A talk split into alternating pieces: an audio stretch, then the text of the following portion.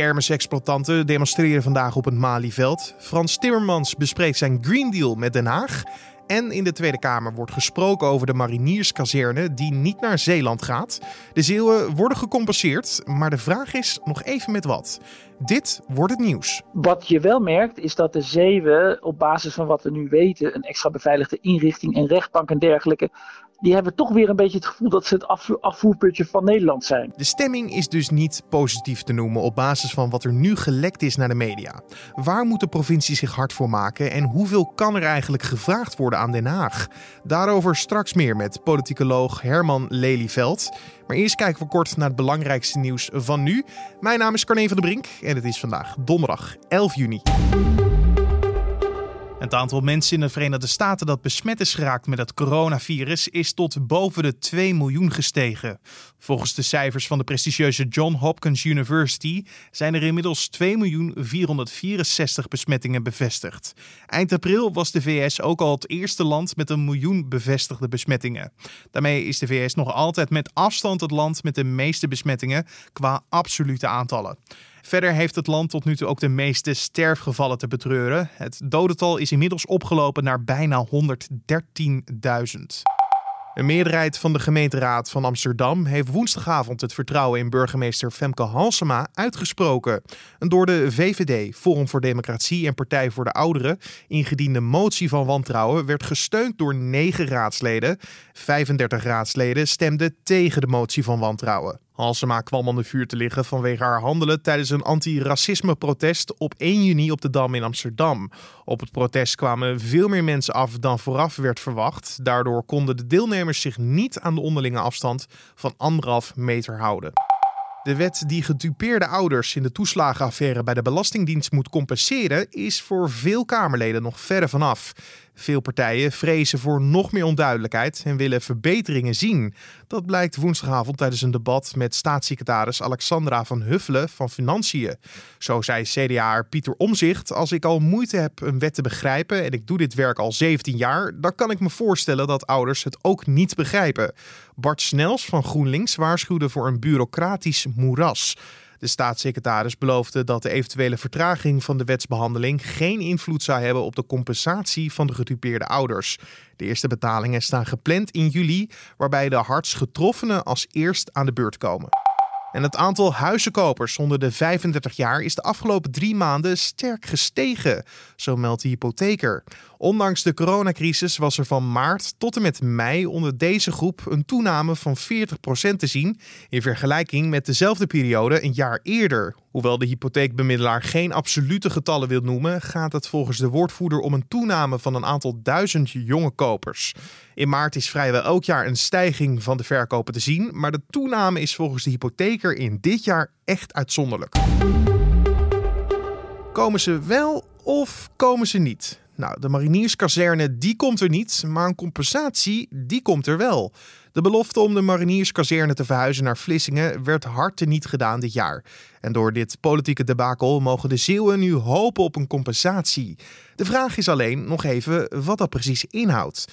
De afgelopen dagen is er al het een en ander uitgelekt. Zo wordt er gesproken over een zwaar beveiligde gevangenis, een rechtbank en een betere aansluiting op de rest van Nederland. Collega Julian Dom sprak erover met Herman Lelyveld, politicoloog bij de University College Roosevelt in Middelburg. En vroeg of de Zeeuwen niet gewoon beet zijn genomen door Den Haag met deze hele kwestie. Nou, als je kijkt natuurlijk naar de beslissing om uh, de kazerne af te blazen, dan is dat zeker zo. En dat is natuurlijk ook uh, in februari allemaal naar buiten gekomen. De Zeeuwen waren daar heel erg boos over als het gaat over de compensatie die nu op tafel ligt, weten we het nog niet. Want, want ja, officieel is er nog niks bekend. Dus het is nog een beetje koffiedik kijken of dit compensatiepakket er nou goed uitziet of niet. Ja, als, we over dat, eh, als we inzoomen op dat compensatiepakket, we weten het inderdaad nog niet. Maar hoe serieus moet politiek Den Haag de provincie nemen bij een uh, regeling als deze? Nou, heel serieus. En ik, ik denk ook wel dat uh, Wientjes, de, de de gezant, de bemiddelaar, echt uh, geprobeerd heeft om een pakket op tafel te liggen dat, uh, dat recht doet aan, uh, aan, de, nou, aan de noodzaak om, om, om iets neer te zetten wat, wat, wat een goed, goedmaker is voor die kazerne. Wat je wel merkt is dat de Zeeuwen op basis van wat we nu weten, een extra beveiligde inrichting en rechtbank en dergelijke, die hebben toch weer een beetje het gevoel dat ze het afvoerputje van Nederland zijn. Hè? Dat, er een, uh, dat de terroristen uh, hier berecht worden en dan ook nog worden opgesloten.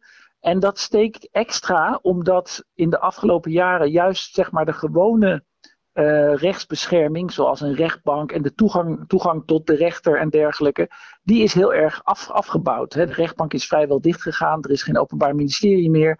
Als je moet voorkomen, dan moet je dus eigenlijk altijd naar Breda. En, en dat steekt denk ik een beetje dat, dat er dus nu allerlei nieuwe dingen worden opgetuigd die te maken hebben met de zware criminaliteit. Maar dat uh, de gewone toegang tot het recht voor de gewone burger, dat, die, uh, dat daar niks aan hersteld wordt. Ja, en verder zijn het ook geen publiekstrekkers te noemen natuurlijk, een gevangenis en een rechtbank. Ja, maar een kazerne is ook niet een publiekstrekker. Dus ik vind dat niet zo'n uh, niet zo'n probleem. En wat, maar dat is wel datgene wat de Zeeuwen willen, toch? Als ik het goed begrijp. Want ik, ik, las dat er ook een petitie is opgestart. Dat de Zeeuwen juist ja, uh, meer leven willen uh, laten vloeien door de provincie heen. En dan zou je misschien denken ja. aan ja, iets wat mensen juist naar de provincie toetrekt. En ja, niet een plek om gevangenen op te sluiten of om gevangenen te berechten. Nou, ik geloof dat, ik geloof dat de Zeeuwen toch het, het, vooral ook heel belangrijk vonden met die kazerne. Dat er gewoon een, een, een in principe 1600 mariniers hier naartoe kwamen en, en, en hoopten dat die zich hier zouden vestigen met hun gezinnen. Eh, die dan weer uh, ja, met kinderen die naar school gaan en dergelijke. En daarmee help je ook het voorzieningenniveau op peil. Dus ik, ik geloof dat iedereen dat wel heel belangrijk vindt. Want een van de problemen hier in Zeeland is dat we bedreigen een vakantieprovincie te worden. en dat betekent dat in de, het in de zomer hier heel erg druk is.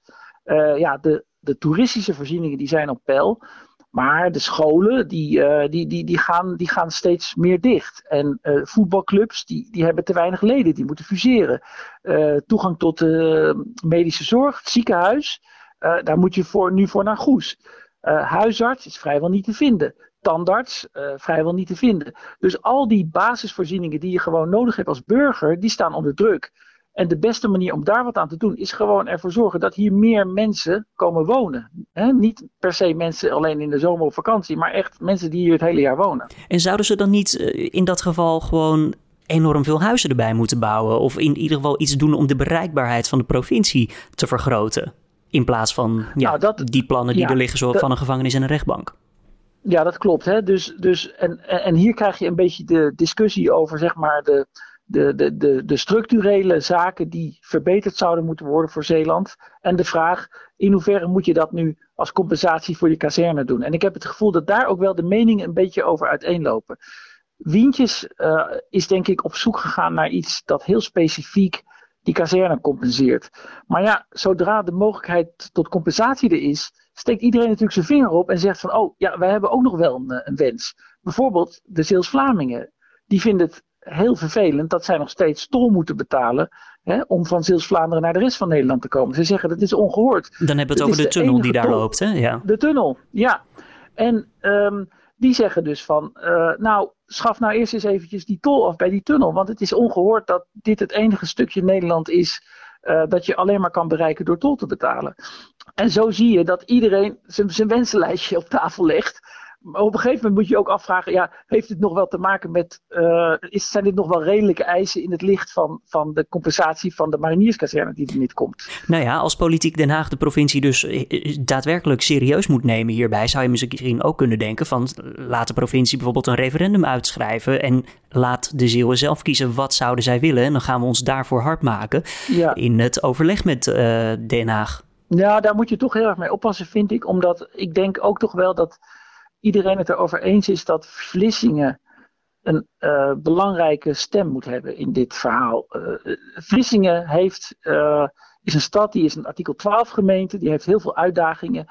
Voor Vlissingen is het ontzettend goed als daar een, een, ja, een, een, een rijksdienst hè, komt, een waardoor je gewoon uh, eh, 1600 banen gewoon hebt, die er gewoon zijn. Hè, die door de overheid worden betaald. Dus ook niet de, het risico van als het wat slechter gaat met de economie, dat het dan weer inzakt. Uh, het hele jaar door. Uh, kijk, als je een referendum gaat houden, dan gaan al die zeven er weer over stemmen. En dan komt denk ik Vlissingen in het gedrang. Dus ik, ik, ik vind het op zichzelf wel zou wel voorstelbaar dat, dat Wientjes ook zegt in dat compensatiepakket. Laten we in ieder geval zorgen dat, dat Vlissingen er zeker ook wat aan heeft uh, en er goed uitkomt, want daar zou die kazerne immers komen. Maar die 1600 mensen, want die kazerne die komt gegarandeerd, uh, tenminste die zou komen gegarandeerd dan met mensen, met personeel en met families. Maar ja, als je daar ja. uh, twee andere instanties neerzet, dan heb je niet meteen ook die banen gevuld. Daar zijn ook mensen voor nodig die misschien nu nog niet in de provincie wonen. Ja, nou ja, precies. Dat is natuurlijk de, de vraag. Maar ik maak me daar eigenlijk niet zoveel zorgen over, want iedereen die vanuit de Randstad uh, naar Zeeland komt en uh, emigreert. Ik heb, wij hebben dat zelf ook uh, eh, 15 jaar geleden gedaan. Die, die, die, die, die, die is dolblij. Het is een schitterende provincie om te wonen. En als je hier kan werken, dan is dat fantastisch. Dus maar niet veel mensen doen het, want het is ook meteen de kleinste provincie van Nederland als we naar het inwonersaantal kijken. Ja, maar dat, dat kan natuurlijk veranderen als je ervoor zorgt dat er aantrekkelijke banen zijn. En en inderdaad, uh, uh, zorg dat de verbindingen goed zijn. Hè? Dus dat is natuurlijk ook wel een punt. Um, veel, in veel gevallen hebben beide partners hebben vandaag de dag een baan. vaak niet op dezelfde plek. Dus dan zal het vaak voorkomen dat misschien één iemand dan in Vlissingen kan wonen. En de ander die werkt misschien in Breda of in Roosendaal en dergelijke. En daar wil je bijvoorbeeld een goede trein voor hebben. En dat geldt natuurlijk ook voor die Zeels-Vlamingen. Die zeggen dan van ja, uh, als, als die ander dan een baan in Zeeuws-Vlaanderen in Zeeuws vindt, dan is het wel fijn als je gratis door die tunnel komt. Dus ik vind die uh, bereikbaarheid, dat, ik vind dat ook wel een goed punt. Uh, in het hele verhaal van hoe kan je nou Zeeland uh, compenseren. Dus al met al uh, Wientjes, die dus eigenlijk onafhankelijk advies geeft en ja, komt met het idee, als we tot nu toe mogen geloven, van uh, twee instanties en een betere bereikbaarheid, dan kan die dit ja. verkopen aan de provincie. Dit zou dan geaccepteerd worden, denkt u? Ja, dat denk ik wel. En hij, maar hij moet wel uh, zorgen dat het niet alleen maar, zeg maar uh, een verhaal is van we gaan de harde criminaliteit bestrijden en de terrorisme en dergelijke. En daar gebruiken we even Zeeland voor. Als hij nou zeg maar dat hele juridische verhaal breder inkleedt en ook uh, een kenniscentrum naar ondermijning en een, een kenniscentrum om te voorkomen dat uh, mensen hun zolder ombouwen tot een wietplantage en dergelijke. Hè. Dat zijn natuurlijk ook hele belangrijke vragen waar je naar zou moeten kijken. Uh, ervoor zorgen dat de toegang tot het recht makkelijker is. Daar zijn ook initiatieven hier in Zeeland. Uh, er gaat over een tijdje een SRV-bus rondrijden door Zeeland, samen recht vinden. En daarmee worden mensen met juridische vragen geholpen.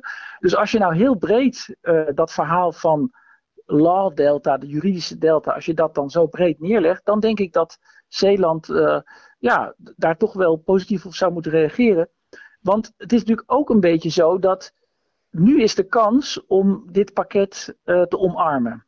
En uh, het kabinet kan altijd nog op een gegeven moment zeggen: ja, als jullie dit niet goed vinden, dan doen we gewoon de bottomline. En dan krijgen jullie gewoon de kosten voor de, de schade vergoed van de kosten die jullie gemaakt hebben. En dan, dan is het klaar. Ja, dan voelen dus de Zeeuwen zich helemaal bekocht. Precies. Dus de zeeën moeten ook een beetje oppassen. En ik denk, ik denk ook wel van ja, ook met de corona en de crisis en dergelijke. Um, je kan nu, denk ik, um, het binnenhalen. En, en, en, en op het moment dat je het nu gaat afwijzen, ja, wie weet hoe de wereld uh, er, er, over drie maanden of zes maanden uitziet. En de overheidsfinanciën. Misschien dat het kabinet dan wel zegt van ja, sorry hoor, maar de begroting is zo krap uh, door alle corona-ellende we gaan echt niet meer eh, zo royaal over de brug komen. Zou ik het kunnen vergelijken met een pokerwedstrijd? Gewoon de Zeeuwen moeten nu een pokerface opzetten en ja, kijken wat ze eruit kunnen halen om te winnen ja, eigenlijk. Ja, ja, dat denk ik wel. Het is inderdaad, het is, het is echt een klassiek geval van, van, van onderhandelen. ja, wat, wat, ze ook wel noemen een chicken game. Hè? Je rijdt alle twee op elkaar en je kijkt wie het eerste opzij, opzij gaat je moet dat zo lang mogelijk spelen. Tot het moment dat je merkt van ja, nu moet ik oppassen. Want ze gaan de deur dichtslaan. Herman Lelyveld, politicoloog bij de University College Roosevelt in Middelburg, was dat in gesprek met mijn collega Julien Dom. En dan duiken we nog even in de nieuwsagenda voor vandaag. Het is vandaag letterlijk en figuurlijk kermis op het Malieveld in Den Haag. Niet alleen dankzij de aanwezigheid van kermisattracties, waar je een ritje in kunt maken, maar ook door boze kermishouders die gaan demonstreren tegen het coronabeleid van het kabinet. Zij krijgen geen financiële noodsteun en mogen pas 1 september weer open, terwijl pretparken dat 1 juni al mochten. De kermisexploitanten wilden 150 kermisvoertuigen op het Malieveld zetten, maar van de veiligheidsregio mogen er slechts 10 attracties bij de demonstratie zijn. En dan alleen naast het veld, op de Boorlaan. Of ze zich daaraan gaan houden, weten we om 11 uur. En Kamerleden voor de vaste commissie voor Economische Zaken en Klimaat hebben vandaag een videogesprek met Frans Timmermans over de Europese Green Deal. Timmermans is vicevoorzitter van de Europese Commissie en is daarmee verantwoordelijk voor een groot aantal plannen die de Europese Commissie uiterlijk in 2050 klimaatneutraal en circulair moeten maken. Bovendien is de Green Deal een belangrijk onderdeel van het herstelplan voor de EU na de coronacrisis. En wat voor weer zou het dan vandaag nog worden? Vandaag heeft de bewolking lang de overhand. Vooral in het noorden valt af en toe wat regen. In de middag wordt het op de meeste plaatsen droog met meer zon. En het kwik loopt op van 18 naar lokaal 22 graden. En om af te sluiten nog even dit. Voor het eerst in 35 jaar wordt het eerste vaatje nieuwe haring bij de start van het nieuwe haringseizoen niet geveld.